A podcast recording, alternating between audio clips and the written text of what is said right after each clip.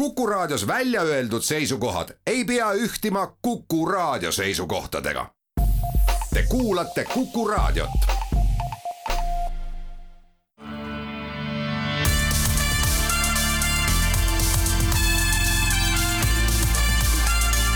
Buum. buumile annab hoogu SEB Pank tere päevast, head Kuku raadio kuulajad! on kolmapäev, kahekümne kuues oktoober kahe tuhande kahekümne teine aasta. kuku raadio akna taga on suur sügis ja sügisene tundub olevat ka maailma rahvamajanduse olukord. järgmise tunni aja jooksul on eetris majandussaade Buum, mis toob siis kõigi raadiokuulajateni koju kätte põnevamad majandus- ja ettevõtlusuudised laiast maailmast. saatejuhid on täna Ott Pärna ja Raivo Vare alustame sellest, et äh, maailmamajanduse kohal tunduvad olema tulevad tumedad pilved, vähemalt nii arvavad maailma miljardärid eesotsas maailma suurima veebipoe ja serveripargi Amazon omaniku Jeff Bezosega. Teise uudisena on uudis sellest, et kõrge inflatsioon on igal pool probleemiks ja näiteks ameeriklase sunnib see teise töökoha järele vaatama. seejärel räägime sellest, et üks maailma disainiikoon Apple on taas kaotanud oma disainijuhi ja disaini teemadega me ka kohe pidama ei saa, selle kohta on ka üks kurvem uudis, nimelt lahkus kahekümne teisel oktoobril seitsmekümne kaheksa aasta vanuselt Red Bulli joogiimpeeriumi või õigem oleks tegelikult öelda maailma ühe ägedama turundusfirma kaasasutaja Diedrich Metatsits. ja traditsioonilises naljauudiste rubriigis räägime ka sellest, et on välja jagatud libanobeli auhinnad ja seal on päris palju põnevaid selliseid ärahinnatud töid. tänasteks saatekülalisteks on meil Tartu Ülikooli Delta Management School'i välismajanduse professor Urmas Varblane ja rakendusliku majandusteooria professor Priit Vahter. Delta Management School'i näol on tegemist Tartu Ülikooli majandusteaduskonna rahvusvahelise nimega, aga sellest kõigest juba intervjuu plokis lähemalt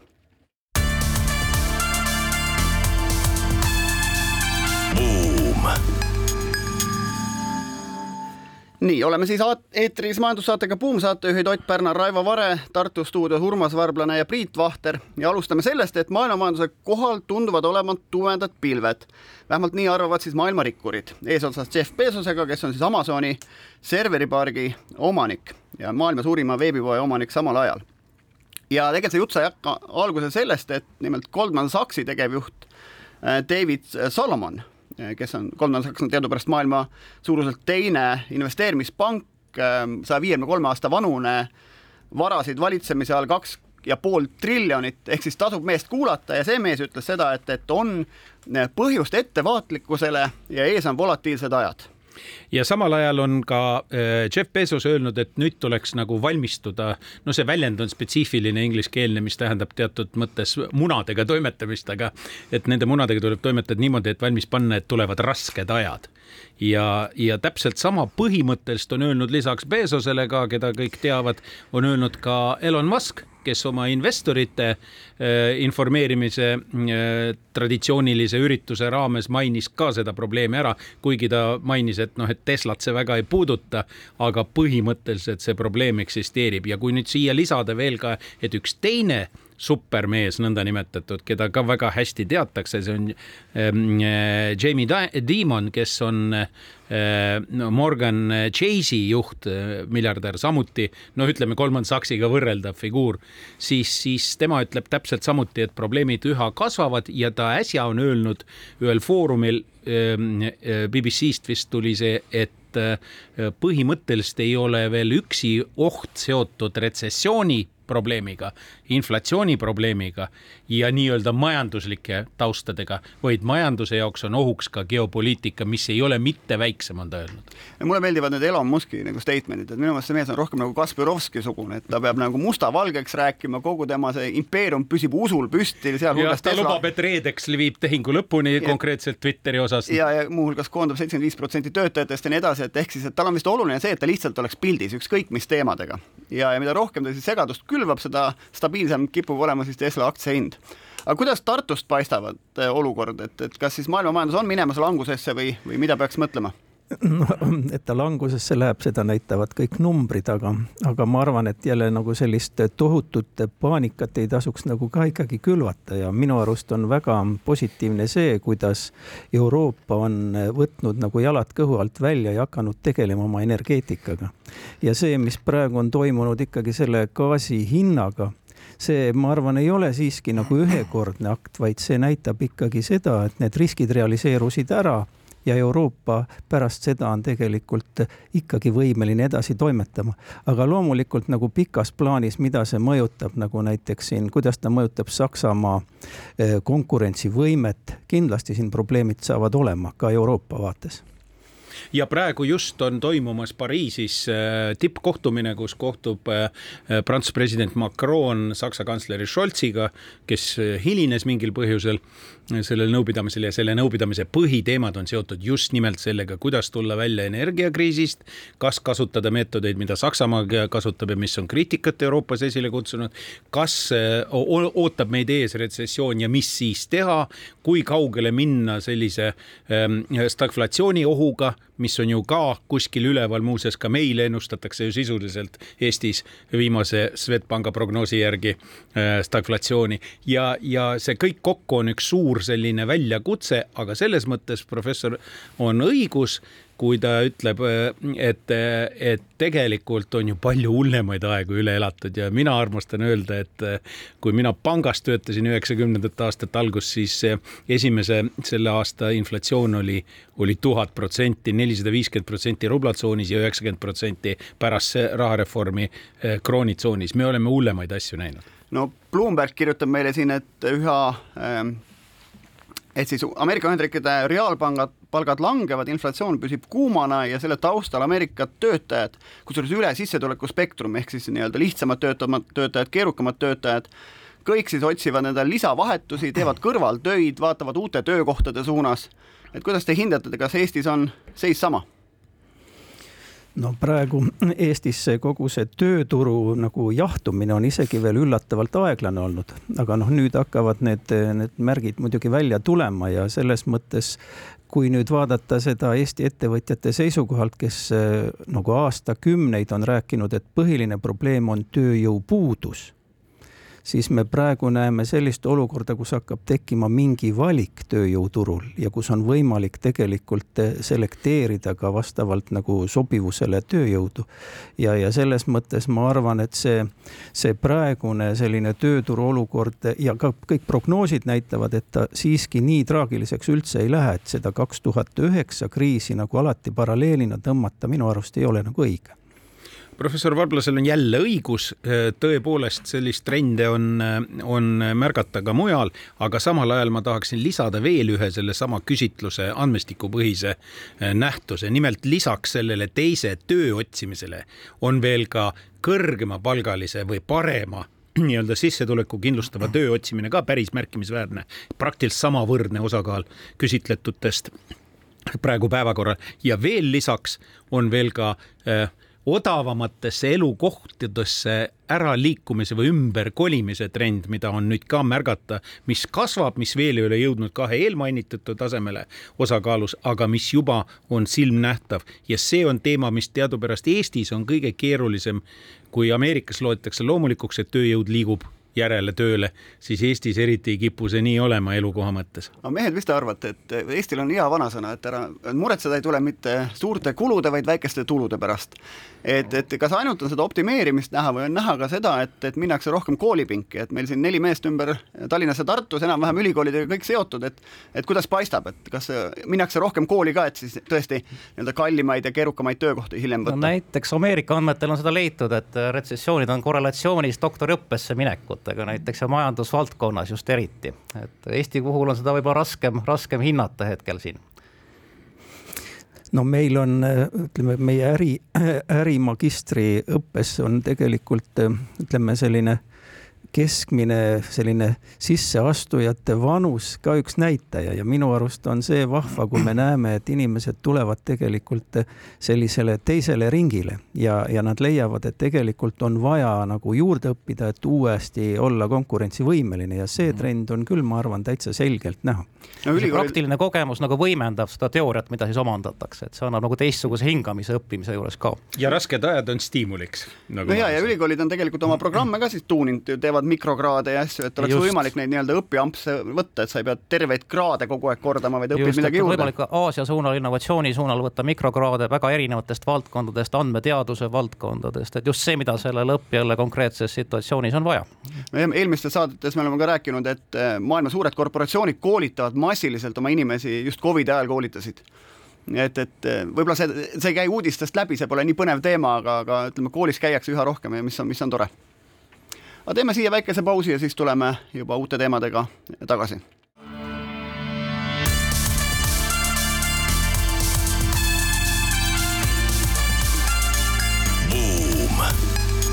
buumile annab hoogu SEB Pank Läheme edasi majandussaatega Buum, saatejuhid Ott Pärna ja Raivo Vare Tallinna stuudios ja Tartu stuudios Urmas Varblane ja Priit Vahter, Tartu Ülikooli Delta Management School'i professorid.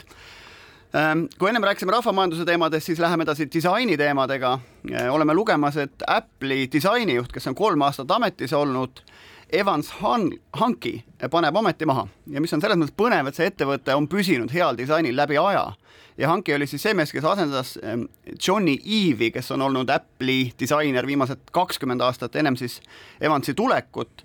Ja mis on löönud kõikuma Apple'i nii-öelda sellise disaini püramiidi tipu ja Apple teadupärast on üks ettevõte maailmas, kes on suutnud nii riistvara kui tarkvara koos disainida ja selle läbi need asjad ka näevad esteetilised välja, töötavad paremini ja seeläbi on see Apple suutnud ka siis preemiumit küsida, ehk siis kallimalt oma arvuteid müüa või ka telefone, teisi seadmeid, ehk siis tema marginaalid on suuremad kui teistel riistvara tootjatel. ma nüüd vaatasin natuke maailma disaini teemadesse sisse ja see on, tundub nagu hästi maskuliinne teema olema. mõlemad Apple'i disainerid mehed, me võtame autofirmade top kümme disainerit, kõik on mehed, kõik on keskealised mehed, valged, kusjuures ühe erandiga ja selleks erandiks on Mazda disainijuht eh, Iko Maeda, kes on jaapanlane ja kelle, kes on teist põlve Mazda disainer, kelle isa on vankelmootoriga RX7 disaini autor. kes teab, kes RX7-ga on Eestis sõitnud? ei tea. Tõnu Kark. -hmm. kes sõidab RX8-ga, mehed teate? ei. no vot, meie kolleeg, majandusekspert, eh, vanameister Heido Vitsur et ühesõnaga disain on maskuliinne, aga miks me selle teema siia sisse võtsime, mitte et me väga nagu Apple'i pärast muretseks, noh, võiks muretseda ka, ma kasutan Apple'it, on ju, aga aga vaataks võib-olla Eesti ettevõtteid ja disaini. et disain on teadupärast üks võimalus luua lisandväärtust traditsioonilises tööstuses. teeme rõivaid, teeme toole, laudu, et kuidas teie hinnangul disain Eesti ettevõtetes on kasutusel ja, ja mida võiks võib-olla paremini teha? No ma arvan, et selles valdkonnas on, on noh, valdkonnad on ikka väga erinevad. no ma olen natukene pikemalt olnud kokku puutunud näiteks meie mööblivaldkonnaga ja mäletan seda, kuidas kakskümmend ja rohkem aastat tagasi August Kull tegeles sellega, et ta tõi sisse õppeaine kunstiakadeemiasse ja kuidas ta püüdis seda tööstusdisaini arendada ja, ja sellest edasi on muidugi areng olnud seal päris silmapaistev. aga ma arvan, et, et noh, keskeltläbi on ju, on see koht, kus meil on võimalik nagu seda oma konkurentsivõimet parandada päris kõvasti veel kusjuures see on suhteliselt odav viis, sellepärast et ta ka eeldab ande ärakasutamist ja talle võimaluste loomist, nii et see on tegelikult see võtmeküsimus, kuidas leida andekaid disainereid ja kuidas neid ära kasutada. sest mhm. tegelikult see töö ise on väga tihti, ei olegi nüüd see viimane nii-öelda ja kõige, kõige tähtsam äh, selles kogu nii-öelda tootmisahelas ja, ja ei ole kindlasti ka kõige kallim üldjuhul, aga on ka vastupidiseid mhm. näiteid. see oli, see oli siia taustaks ütleks ühe, ühe tulemuse ühest teadustööst, et disaini mõjud on eriti laialdased, kui need disainerid teid tihti ka rakendada väljaspool seda traditsioonilist disaini eh, ala siis eh, ettevõtte sees. ehk siis laiemates valdkondades koostades multifunktsionaalsete gruppidega, seda näiteks Iirimaa andmete põhjal koos mõningate autoritega oleme isegi ökonomeetriliselt uurinud, et see, et see kitsam vaade disainile on kasulik ettevõttele, aga oluliselt suurema mõjuga on selline laialdasem kaasamine just selle uuendusliku mõtte mõtlemise ja sellise efektiivse multifunktsionaalse grupi toimimise eesmärgil no ja me teame, selline säästlik disain on veel eriti väärtuslik, võtame kasvõi Reet Tausi ja tema nii-öelda upshirt'i, et kus sa võite osta T-särgi, mis on poole kallim, ehk siis marginaalid on palju suuremad, aga seda T-särki tehakse tegelikult nii-öelda tootmisjääkidest, mis mujal mm -hmm. tekstiilitööstuses on tegelikult kõrvale jäänud no mis on veel põnev, et tegelikult ju kahe tuhandete keskel Eesti ajas disainipoliitikat. mul õnnestus olla selle asja juures ise majandusministeeriumis, me õppisime ju Taanilt Per Mollerup, üks legendaarne Taani disainer, graafiline disainer, kes on noh, ma ei tea, maailmas lennujaamade logistikat disaininud ja selliseid asju, oli meil üheks selliseks partneriks ja sellest ajast on Eestis disainikeskus olemas ja sellised asjad aga selle asja võib-olla kurbloolisus teisel pool on ikkagi see, et noh, disainer ja tööstur õpivad eri koolides, eks nad tihtipeale ei näe üksteist. ma nüüd peast ütlen numbrid, aga siin mõni aeg tagasi oli Eesti tööstuses tööl, kui ma ütlen kakskümmend, siis ma ütlen, panen üle disainerit ja nendest pooled olid Baltikas. ja kui me mõtleme, kui palju meil tööstusettevõtted just selliseid väikeseid, et noh, okei okay,, kõik nad ei suuda full time või päris täisajaga disainerit palgal hoida, aga aga kui neil ikka üldse disaini juures ei ole, siis on ka need tooted, nagu nad on ja ja jällegi me oleme siis selle odava hinna konkurentsis, mitte siis nagu brändi ja sellise noh, esteetika ja sellise nii-öelda pehmema poole konkurentsis, kus on, on võimalik suurema kasumiga toimetada, kus võib-olla kulubaas ei ole nii hull, eks kus on võimalik otse lõpptarbijale müüa, noh, Iglukraft teeb, on ju saunasid, müüb tegelikult lõpptarbijale neid saunasid. et, et ehk siis jah, tegemist on huvitava teemaga ja kindlasti Eesti mõttes nagu vähe, liiga vähe teemaks oleva teemaga, liiga vähe võib-olla kasutuses oleva teemaga, et konkurentsivõimet suurendada. kusjuures samal ajal mina olen jälle töösturite käest kuulnud sellist väidet, et noh, et meil on andekaid inimesi, kes oskavad ilusaid asju joonistada, nii-öelda piltlikult öeldes luua iseenesest küll, aga kui üks probleem on, ei suudeta kohandada funktsionaalsusega, toote funktsionaalsusega, et ja. see on väljakutse ja see on nagu eraldi õppimist väärt ma mhm. korra sekkun siin ka veel ja ma arvan, et see on üks asi, mida on tegelikult väga palju arutatud, et milline võiks olla koostöö tegelikult meil Kunstiakadeemia ja Tallinna Tehnikaülikooli vahel. et see võiks olla tegelikult kõvasti, kõvasti tugevam. kuni siiamaani välja, et noh, ma mäletan, kui oli arutelu selle üle, kuhu ikkagi see Kunstiakadeemia võiks nüüd uus hoone võiks olla, siis oli palju eh, arvamusi ka, et see võiks olla hoopis keset TalTechi campust. no vaid tegelikult võiks olla Tehnikaülikool linnas, et üldiselt ja. ülikoolid on linnas, mitte linna ääres, eriti kui on natuke ruumi. et, et Rotermanni kvartali asemel võiks olla täna ülikool, see oli tegelikult üks võimalik stsenaarium. Aga läheme siin saatega edasi, võib-olla disaini osas väike ka selline, üks selline kurvem uudis, et Red Bull, mis on maailma joogiimpeerium, aga tegelikult on üks ägedamaid turundusfirmasid Red Bulli taga on Red Bull Media House, kes ise toodab turundussisu, ettevõte, kes on ekstreemsporti maailmas tohutult arendanud, kus on Austraalia, Austria sporti kõvasti arendatud, et siis seitsmekümne kaheksa aastaselt lahkus nende üks äh, asutajatest Tiidrich Metasits ja, ja, ja mees, kelle lahkumist on enamus F1 piloodid täna kommenteerinud ja mis on tegelikult spordimaailmale loonud nagu päris kõva, kõva sellise põõna, et ta oli seal tõesti nagu sees, see oli nagu tema elutöö põhimõtteliselt. no ta oli ise ka sportlik väga ja ekstreemspordi harrastaja, mida iganes. no nii on jah, et, et selles mõttes küll kurb sündmus ja saab vaadata, et mis selle Red Bulliga edasi saab, noh, me teame, mis ju on saanud Apple'ist, Apple on kasvanud kõvasti peale Steve Jobsi surma, et, et vaatame, mis Red Bullist saab ja muidugi Red Bulli huvitav teema on see, et et noh, tegelikult me teame, et see on Austria bränd, aga tegelikult enamuse osalus on Tai ärimehe käes, nüüd tema poja käes. ehk siis see kasvas välja see jook üldse Taist, Tais eh, nii-öelda väikeste kaubikute juhid jõid seda jooki, püsisid siis kauem ärkvel ja siis mingi hetk seal kuskil kaheksakümnendatel tehti siis Austriasse ettevõte ja tehti, viidi see bränd globaalseks. kõige hämmastavam minu jaoks oli selles ajaloos see, et see kuulsusrikas äh, slogan, mis mõeldi välja Red Bulli jaoks, et see annab tiivad, see tuligi kohe alguses, kui nad lõid selle firma. Ja see on kestnud tänaseni ja kannavad need tiivad tänaseni tundub nii. aga Red Bullist saame teinekord pikemalt rääkida meil on siin natuke veel aega rääkida ühe, üks põnev teema lahti. nimelt tuldi välja libanobelitega Neid Nobelid annata, antakse välja juba tuhande üheksasaja üheksakümne esimesest aastast äh, välja anda Annals of Improbable Research ja siis Harvardi ülikooli Radcliffe instituudi mm, ulmeühingu koostöös.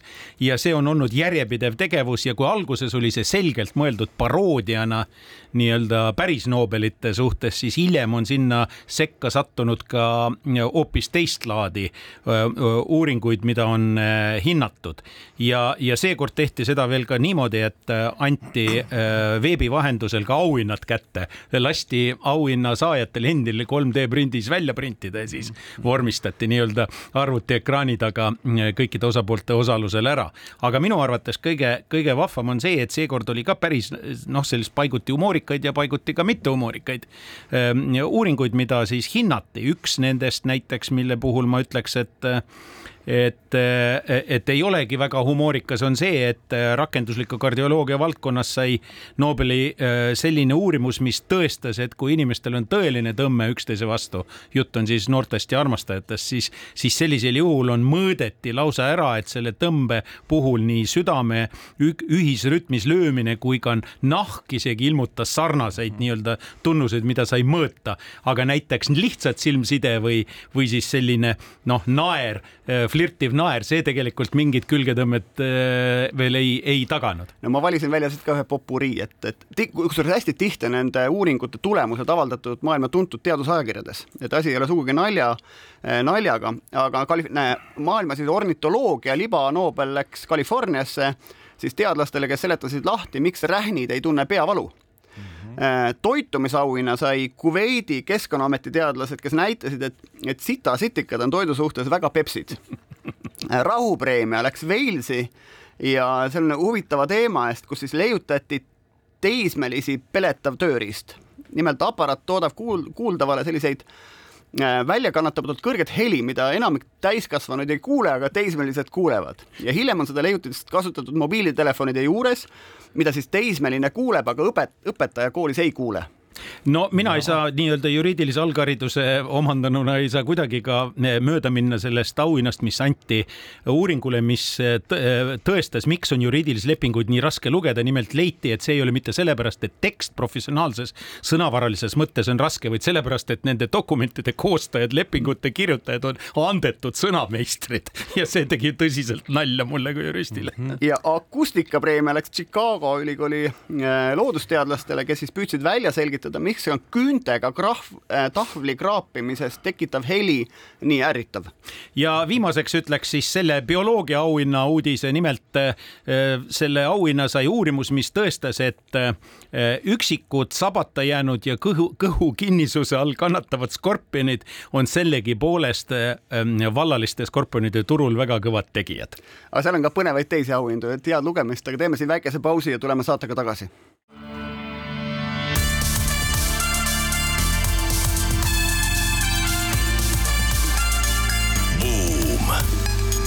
buumile annab hoogu SEB Pank.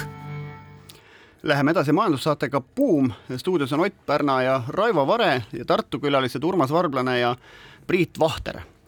kaheksandal novembril ehk siis kahe nädala pärast toimub Tartu Ülikoolis suur konverents teemal eh, Uus maailma majanduskord.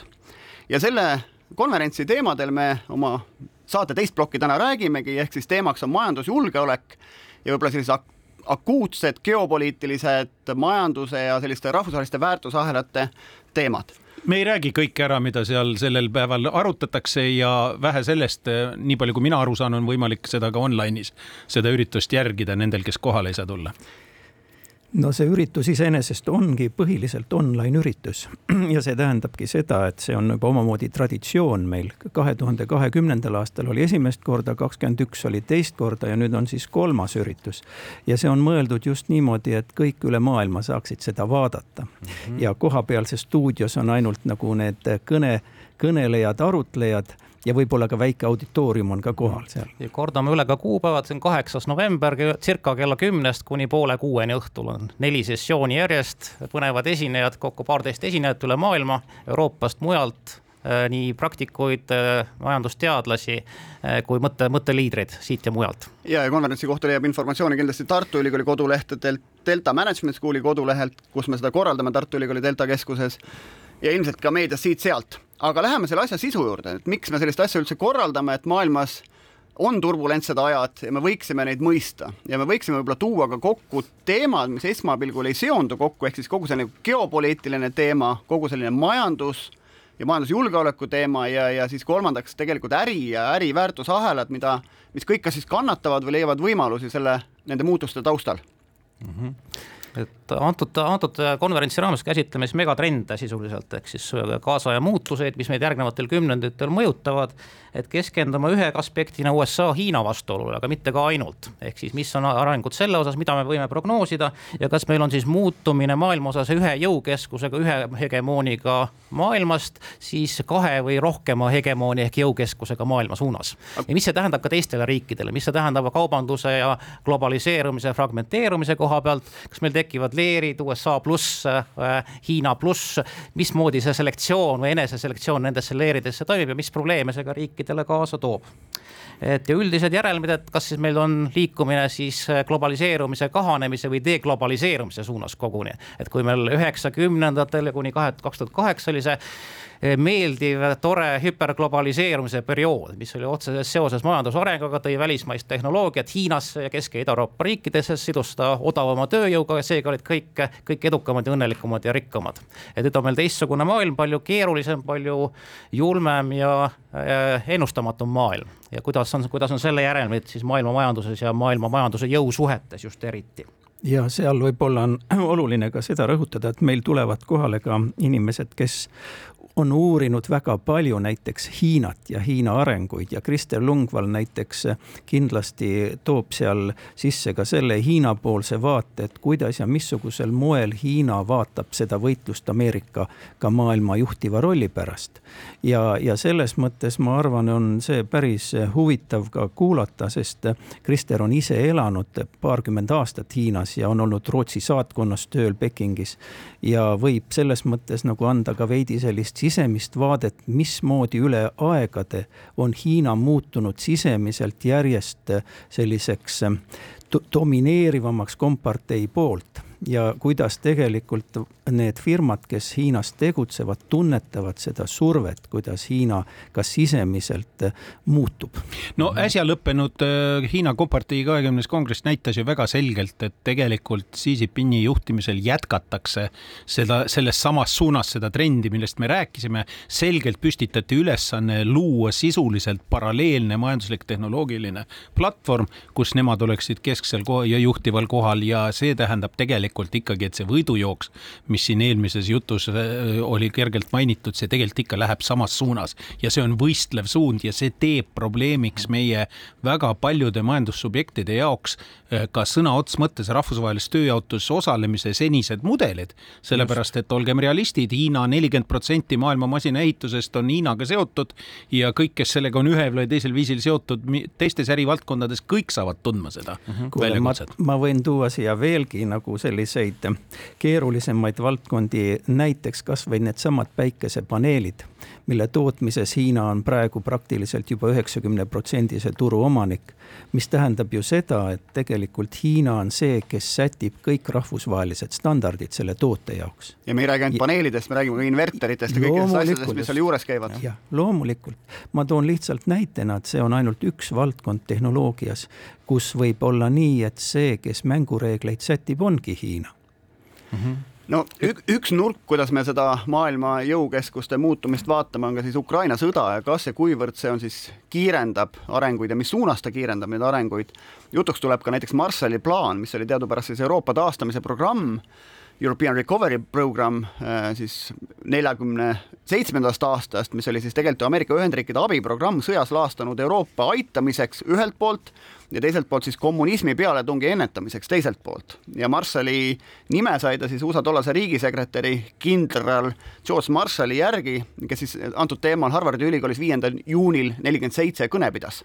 ja aga sellel oli ka konkureeriv projekt, millest üldse enam ei mäletata, ei teata, selle plaani nimi oli Morgenthau plaan ja selle plaani eesmärk oli mitte lasta Saksamaal uuesti tõusta pärast seda sõda ja jätta ta sisuliselt sellise poolagraarmaa staatusesse, aga valiti hoopis teine lähenemine, mis osutus loomulikult ka õigeks.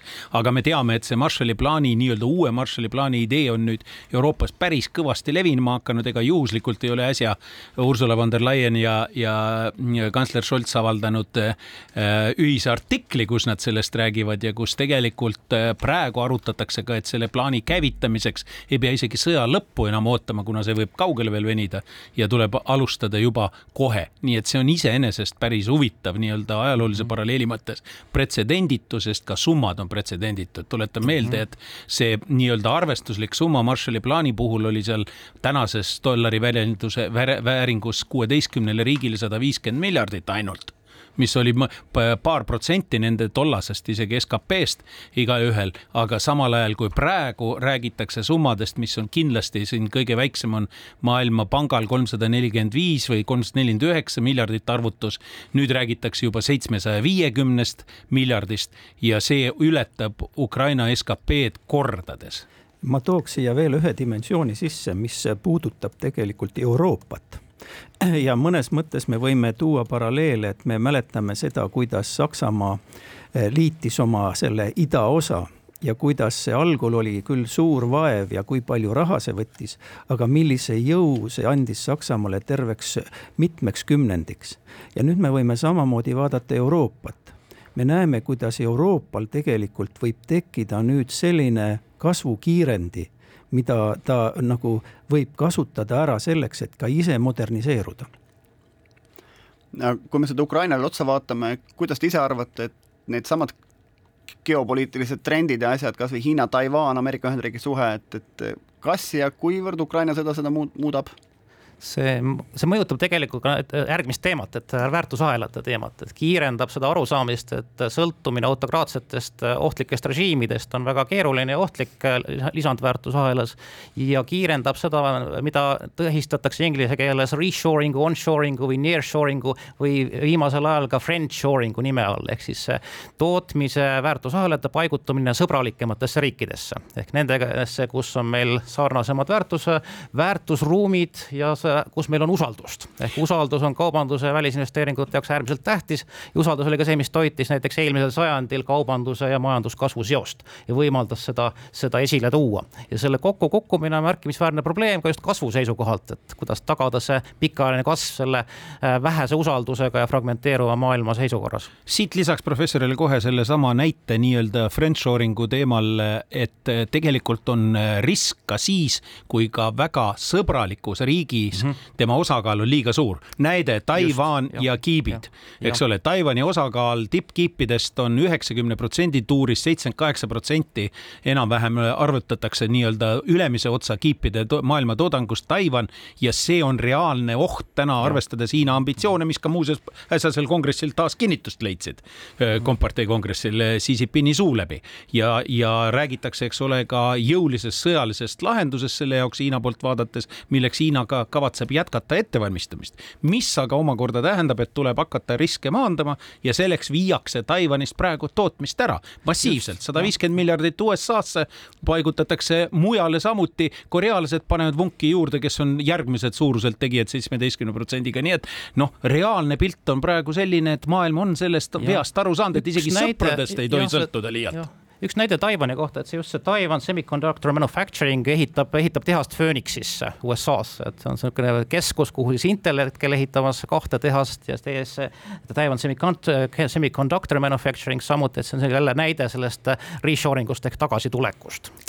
keerulisema maailma tõttu. nii pandeemia tõttu, nii nende väärtusruumide erinevustega seotud riskide tõttu, mis üksteist ka võimendavad just ja selles valdkonnas me püüame ka veidikene arutleda oma üritusel ja tuua sisse terve sellise dimensiooni, mille võiks võtta kokku tehnoloogilise natsionalismi kasv riikides see tähendab seda, et see aeg, kus leiti, et noh, teadmus võiks vabalt liikuda ja meil ei ole vaja nagu muretseda selle üle, et see ajastu on tegelikult praegu küllalt selgelt lõppenud ja Ameerika eriti on teinud eh, terve rea järske samme alates seal juba ütleme eh, kaks tuhat seitseteist, kaheksateist aastast alates, mille mõte on selline, et on sisuliselt on keelatud ära terve hulga tehnoloogiamahukate toodete eksport Hiinasse, investeeringud Hiina vastavatesse ettevõtetesse ja ka Hiina investeeringud Ameerikasse on kinni pandud. Ja nad on laiendanud seda mitte ainult Ameerika, vaid ka Ameerika liitlaste toodete peale. vähe sellest, ka Euroopa Liidul on sellega probleeme, me teame, et on ju pandud käsi ette Konkurentsiameti või konkurentsi nii-öelda reeglite järgi ka ameeriklaste poolt Euroopa kiibi arhitektuurifirmade ostudele, kuigi arhitektuuri alged on kõik Ameerikas. ehk siis see mudel, kus on Ameerikas mõeldakse asi välja, kuskil Euroopas viiakse see suurimaks ja parimaks tehnoloogiaks ja kuskil Taiwanis tehakse valmis, see ka enam ei toimi, see kolmnurk. tuleb ümbertegemisele, läheb. mehed, teeme siin väikse pausi ja siis tuleme tagasi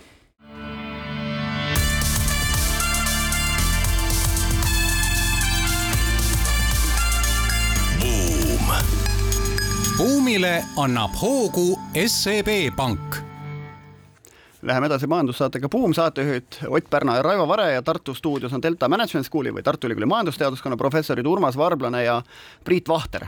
no novembri alguses toimub Tartu Ülikoolis suur rahvusvaheline trendipäev, et Delta trendipäevaks me seda nimetame, mida kanname tasuta kõigile veebi teel üle, mis siis toob tarkust koju kätte, mis põhiliselt keskendub nii-öelda maailma majandusjulgeoleku teemadele eri, eri aspektidest me siin eelmises saateplokis lõpetasime Hiina ja USA vastasseisu nii-öelda kuumenemisega mis osalt mõjutab globaalset kaubandust ja kõike muud, talentide liikumist. aga tegelikult Aasia ei ole meil ju ainult Hiina, et Hiina on üks koma neli miljardit, aga mul on siin üks kell, mis internetis tiksub ja loeb inimesi, palju Aasias elab, et et praegu neli koma seitse kolm neli eh, miljardit Miljard. inimest. ehk siis, et, et seal on nagu kolm pool miljardit rohkem inimest kui Hiina. et kuidas teile mehed tundub, et kas see sõprus Aasias on nagu pigem nagu kasvav trend või, või, või kahanev trend, et me räägime siin tihti nagu USA, Euroopa, Hiina teljest, aga tegelikult seal kohapeal on ka ju Kagu-Aasia versus Hiina, India versus India, Hiina, jah see on hästi oluline teema ja seda meil kindlalt ka seal üritusel arutatakse ja Ari Kokko teeb seal terve ettekande kohe multipolaarse Aasia kohta. ja, ja selles mõttes on hästi oluline just see, et Ameerika Ühendriikide analüütikud on seda väga palju rõhutanud, et Hiina kindlasti oma väärtussüsteemiga ei saa ühendada kogu Aasiat ehk ühesõnaga on terve rida riike, kelle jaoks see ei ole vastuvõetav. ja siin loomulikult on esimeses ringis Jaapan, Lõuna-Korea, Singapur ja need riigid, aga samal ajal ka India võitleb kogu aeg selle maailma juhtrolli pärast või ütleme, Aasia juhtrolli pärast ja ei ole juhuslik, ma olen siin uurinud näiteks, missugused riigid müüvad Indiale relvi ja missugused riigid müüvad Pakistanile relvi ja seal on selge näide, kuidas ühesõnaga ka Ameerika Ühendriikidel on väga kasulik, et see India-Hiina vastasseis säilib, sest see hoiab seda Hiina kasvu tagasi mm. -hmm. et seal teiste Aasia riikide puhul on ka probleemiks, et kumba leeri siis valida, et ASEAN-i riikide puhul, et Vietnamil on, Indoneesial ja teistel on võib-olla mõlemad tähtsad. või ka näiteks India näide siin, et, et kuidas, kui kujunevad välja kaks domineerivat leeri, kus siis tahetakse äh, väärtusahelad omavahel eraldada. ühelt poolt Hiina väärtusahelad, mis on siis äh, eraldatud USA-st ja USA omad ka. teisena siis, et, et kas, kas see tekitab sellise surve valida poolt ja mis, mis, mis, mis on selle implikatsioonid, et et äh, poliitikute jaoks nendes ASEAN-i riikides võib see olla päris, päris suur küsimus, et kuidas siis tagada, et see balanss on siis mõlema äh, jõu vahel tagatud. ja tegelikult Euroopa multinatsionaalid ja Põhja-Ameerika multinatsionaalsed ettevõtted seda protsessi saavad ka mõjutada sest selles viimases tarneahela kriisis, mis siin nüüd pärast Covidit äh, oli hästi ägedalt üleval tuli ettevõtetel otsustada, et mida nad teevad ja väga paljud ettevõtted kasutasid seda niinimetatud China pluss one strateegiat ehk nad valisid lisaks veel mingi teise tootmiskoha, kust nad said oma komponente. ja nüüd selle China pluss üks, selle riigi valik on ka teatud mõttes küsimus Hiina kõrval teiste ütleme, regiooni riikide toetamisest. no mis on Aasias veel huvitav, et seal on neid hüpersuuri riike, milleks on siis Hiina, India põhilised või siis kasvõi Indoneesia oma seal kahesaja viiekümne miljoni inimesega. aga teist poolt on seal ju väikeseid riike, noh, seesama Austraalia, mis on suur-suur saar kängurudega on ju, aga kakskümmend viis miljonit inimest ainult on ju. Austraalia inimeste arv on väikesem kui Poolas ja Ukrainas näiteks on ju, et Ukrainas teadupärast nelikümmend kolm miljonit inimest ja Poolas kolmkümmend seitse miljonit inimest, eks. ütleme samas suurusjärgus on näiteks Lõuna-Korea on ju, et ka seal vist viiskümmend miljonit umbes Austraalia muidugi on tähtis muldmetallide allikana siin. no Austraalia. väärt, väärtuslike ressursside allikana. Austraalia muidugi on olnud siin väga huvitavas positsioonis, kui me räägime Austraaliast. Austraalia on tohutult võitnud sellest Hiina kasvust ja üldse Aasia kasvust, sest tema on oma toorme baasiga olnud väga kasulik äh, selline partner. ja võib-olla tuleb see üllatusena, et näiteks Austraalia ekspordist läks veel eelmisel aastal nelikümmend kaks protsenti Hiinasse et nende sõltuvus Hiinast on väga suur, isegi liiga suur. Ja nüüd mm -hmm. Austraalia valitsus just eh, eelmine aasta siin eh, sõlmisid lepingu, selle AUKUS lepingu Suurbritannia ja Ameerika Ühendriikidega, mis põhimõtteliselt eh, otsustas nagu ka Hiina jaoks ära, kuhu poole Austraalia ikkagi kaldub. No ja, ja me räägime siin Ameerika ja Hiina kaubandusest, aga tegelikult maailma üks suurimaid kahe riigi vaheline kaubandus toimub üldse Hiina ja India vahel et, et seal on hoopis nagu teistsugused jõujooned ka, mida me siia üldse ei näegi.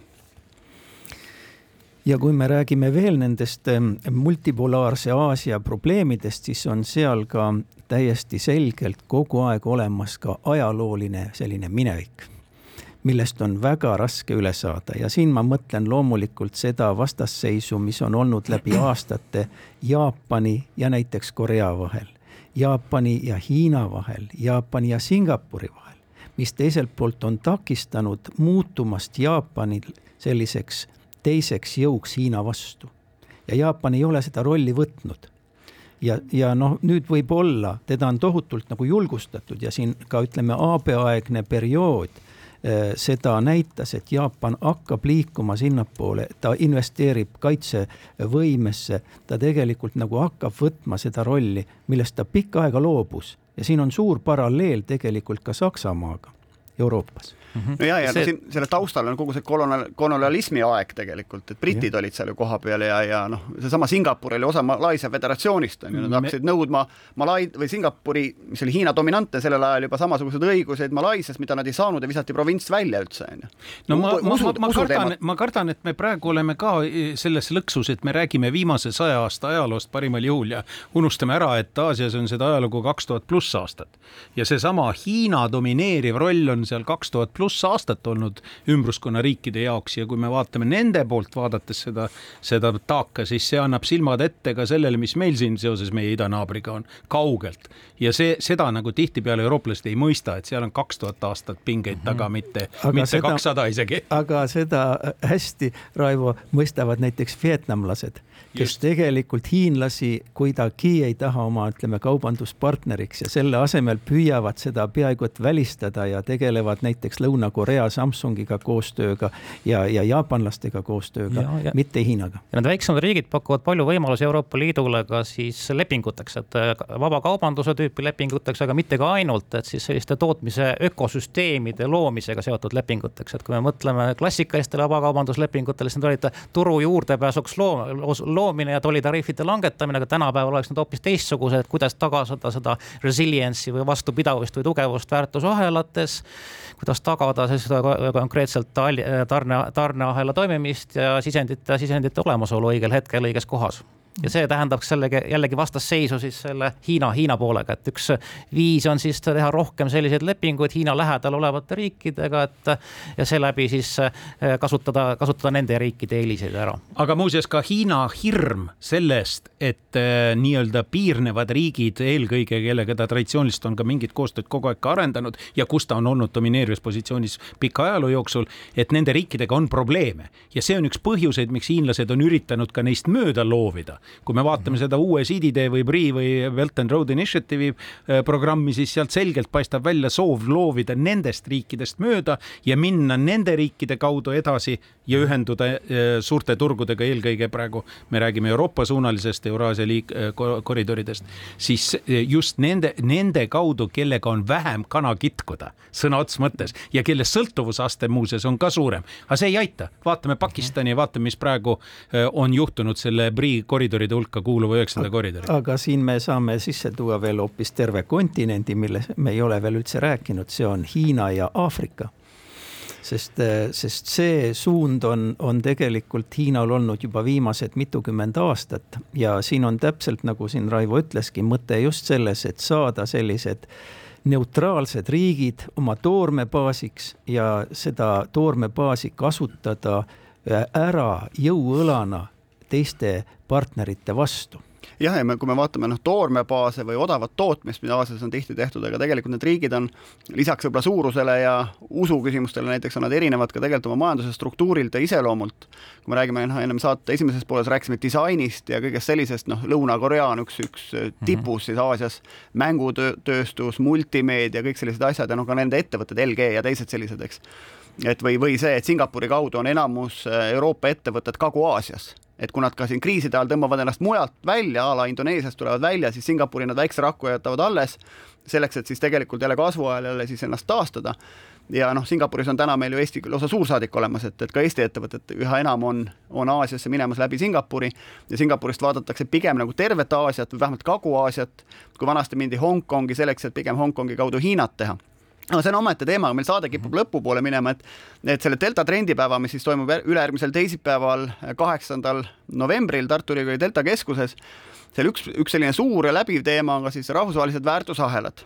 Et, et ja, ja muutused selles, ehk siis kuidas ettevõtted oma tegelikult tooteid ja teenuseid maailmas ehitavad, kui palju on seal partnereid ja kuidas need ahelad on muutunud, kuidas logistikatõrked, toormetõrked, asjad on seda muutnud, et, et mehed, kui paari sõnaga kokku võtta, et millised on põhilised trendid nende väärtusahelatega seoses no põhilised trendid on siis kohanemised nende šokkidega, pandeemia šokiga, siis selle Vene, Vene-Ukraina sõjaga ja paljude teiste tarneahelatega puudutavate šokkide ja selle vastasseisuga ja leeride tekkega. aga ma tahaksin tuua välja ühe positiivse aspekti, et kõik need šokid tähendavad ka vajadust tegeleda rohkem innovatsiooniga ja üks lahendus, üks võimalus tuleb läbi tehnoloogiate arengu. ehk siis automatiseerimise tehnoloogiad, mis võimaldavad siis seda ümberpaigutumist edaspidi lihtsamalt. ehk siis madalamate, senistest madalamate tööjõukuludega sihtkohtadest nüüd tagasi või lähemale kõrgete kõrgete tööjõukuludega kohta, et kus siis automatiseeritud tehased, robotiseeritud tootmine on siis võimalik lahendus, et noh, samuti ka nende paljude Ameerika, Ameerika ettevõtete näitel võib seda välja tuua kindlasti.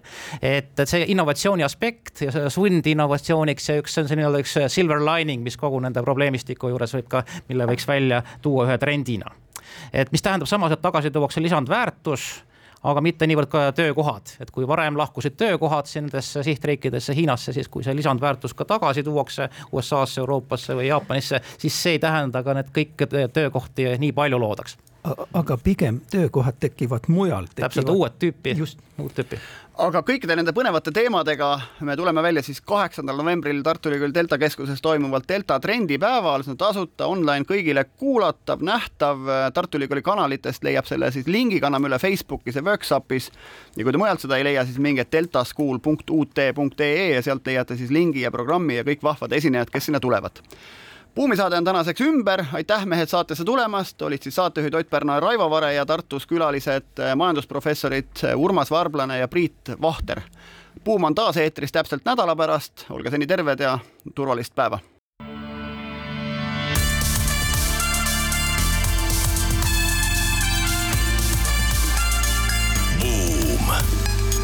buumile annab hoogu SEB Pank